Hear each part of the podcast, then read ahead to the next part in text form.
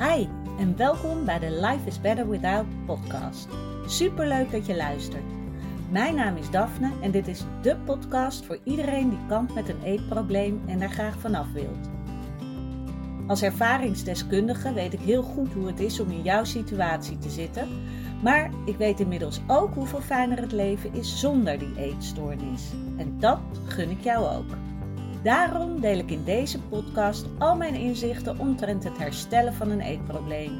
Ik laat je weten wat er bij mij wel werkte en wat niet. En ik sta open voor al je vragen. Als jij klaar bent voor een leven zonder eetstoornis, dan weet ik 100% zeker dat jij dat kan bereiken. Want als ik het kan, kan jij het ook. Goedemorgen, goedemorgen. Welkom bij een nieuwe podcastaflevering van Life is Better Without. Het is voor mij maandagochtend. Ik merk dat ik een beetje in moet komen. uh, we hadden uh, dit weekend um, hadden we een um, bruiloftsfeest of een 25-jarig huwelijksfeest van de broer van Teun. En ik bleef samen met Teun uh, in Leiden in een hotel slapen, wat natuurlijk super leuk was. Uh, Pina die was logeren bij mijn zus. Die vindt dat gelukkig ook heel erg leuk. Dus dan is het ook niet erg om haar daar te brengen. En wij uh, zijn dus lekker naar een hotelletje geweest. Alleen ik moet zeggen, het was wel heel gezellig. Dus ik had gisteren best wel een kater. En ehm, daar ben ik niet trots op om dat te zeggen. uh, en ik moet ook zeggen dat ik dan, dan komen er toch wel weer van die gedachten op van, oh, waarom heb je nou zoveel gedronken? Um, doe dat nou niet. Maar dan ga ik ook weer heel snel terug naar, het was een hele gezellige avond. Um, het was heerlijk om weer even samen weg te gaan. En tuurlijk is het dan de volgende dag dat je denkt: oh, en dan moeten we Pina natuurlijk uh, ophalen en haar uh, bezighouden. En zij voelt natuurlijk ook aan dat wij allebei een beetje moe zijn. En nou ja, dat is niet de meest handige situatie. Maar in plaats van me dan uh, helemaal de grond in te praten, uh, kijk ik toch van, nou, wat, wat werkt nu het beste? Wat heb ik nu nodig? Ondanks dat het misschien niet heel handig was om een kater te hebben, maar aan die situatie kan je niks meer veranderen. En ik weet van vroeger nog wel, ik hield wel van een biertje en uh, ik kan me niet meer voorstellen hoe ik dat deed, want dan at ik niet. Maar gingen we wel gewoon de kroeg in. Niet heel handig. Maar dan kon ik mezelf echt um, daarna weer finaal de grond in praten. Van waarom heb ik dit gedaan en wat ben ik toch stom. En helemaal als je natuurlijk moe bent en katerig. En dan zit je al niet in een lekkere vibe. Dus dan voel je je al moe en wil het allemaal niet. Je zelfvertrouwen daalt ook. Dat gebeurt gewoon automatisch um, bij heel veel mensen. Misschien herken je dat wel. Misschien denk je: hallo, ik uh, drink sowieso nooit. Good for you. um, maar misschien heb je andere situaties dat je inderdaad, als je moe bent, dat je minder zelfvertrouwen hebt en dat dingen op een andere manier binnenkomen. En dan is het dus zo belangrijk om uh, toch jezelf als prioriteit te stellen. Ook al voelt het dan alsof je dat vooral absoluut niet wil doen. Omdat je bijvoorbeeld het liefst even gewoon niks met jezelf te maken wil hebben. En dan is het heel makkelijk om negatief tegen jezelf te gaan praten. Maar juist op die momenten is het belangrijk dat je kijkt van waar heb jij behoefte aan. En er dus voor gaat dat je jezelf uh, eventjes op nummer 1 zet. En niet dat iedereen voor je moet wijken. En dat je helemaal geen rekening meer houdt met andere mensen. Maar wel dat je bedenkt van oké, wat is voor mij op dit moment de weg van de minste weerstand? Uh, wat heb ik nodig? En daarvoor gaan. En wat ook daarin heel belangrijk is, ehm, bijvoorbeeld de mensen die ik coach, uh, geef ik vaak hele praktische opdrachten mee om focus te houden ook gedurende de week. En ehm, te werken aan je mindset.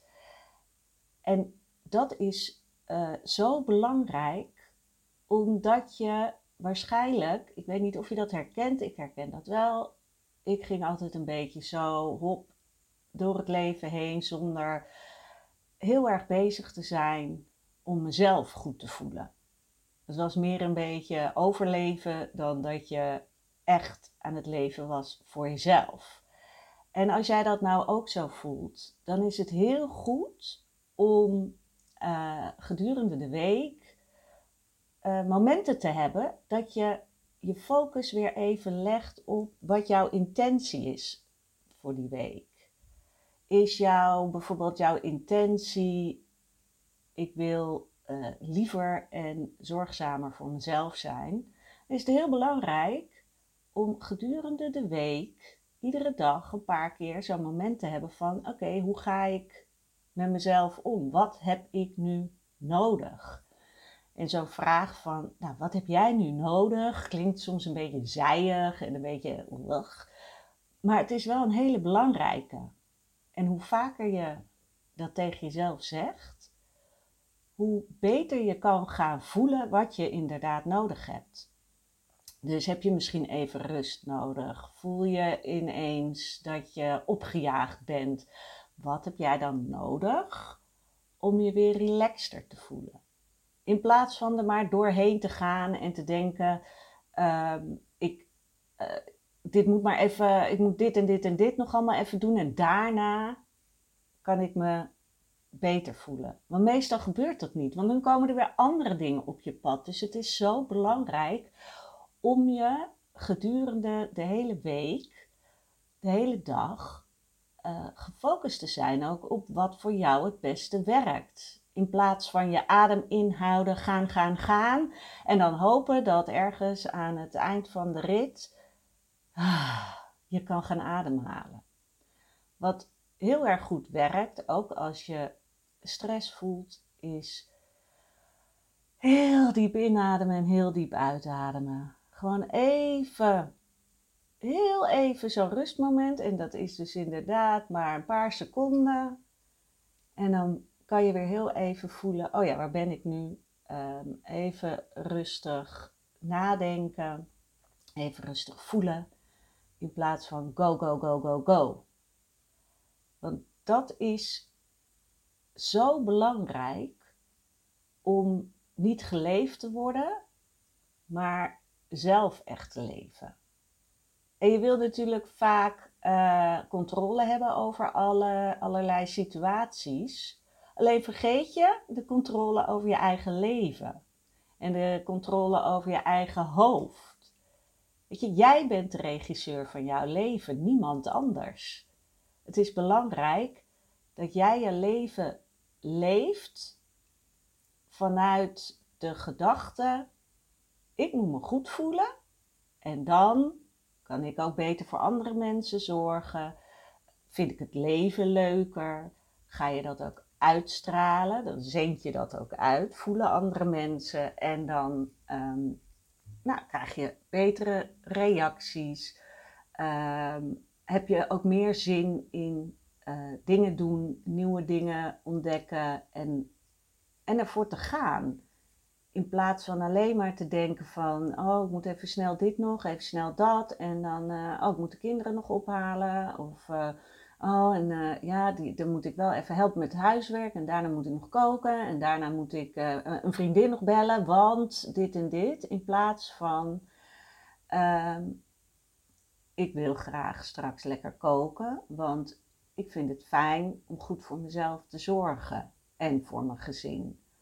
En ik vind het fijn om straks ehm, mijn dochter weer op te halen, zodat we weer even fijn een moment samen te hebben op een dag. Weet je, dat is een hele andere benadering dan de hele tijd maar denken van en ik moet zoveel en ik heb nooit tijd voor mezelf.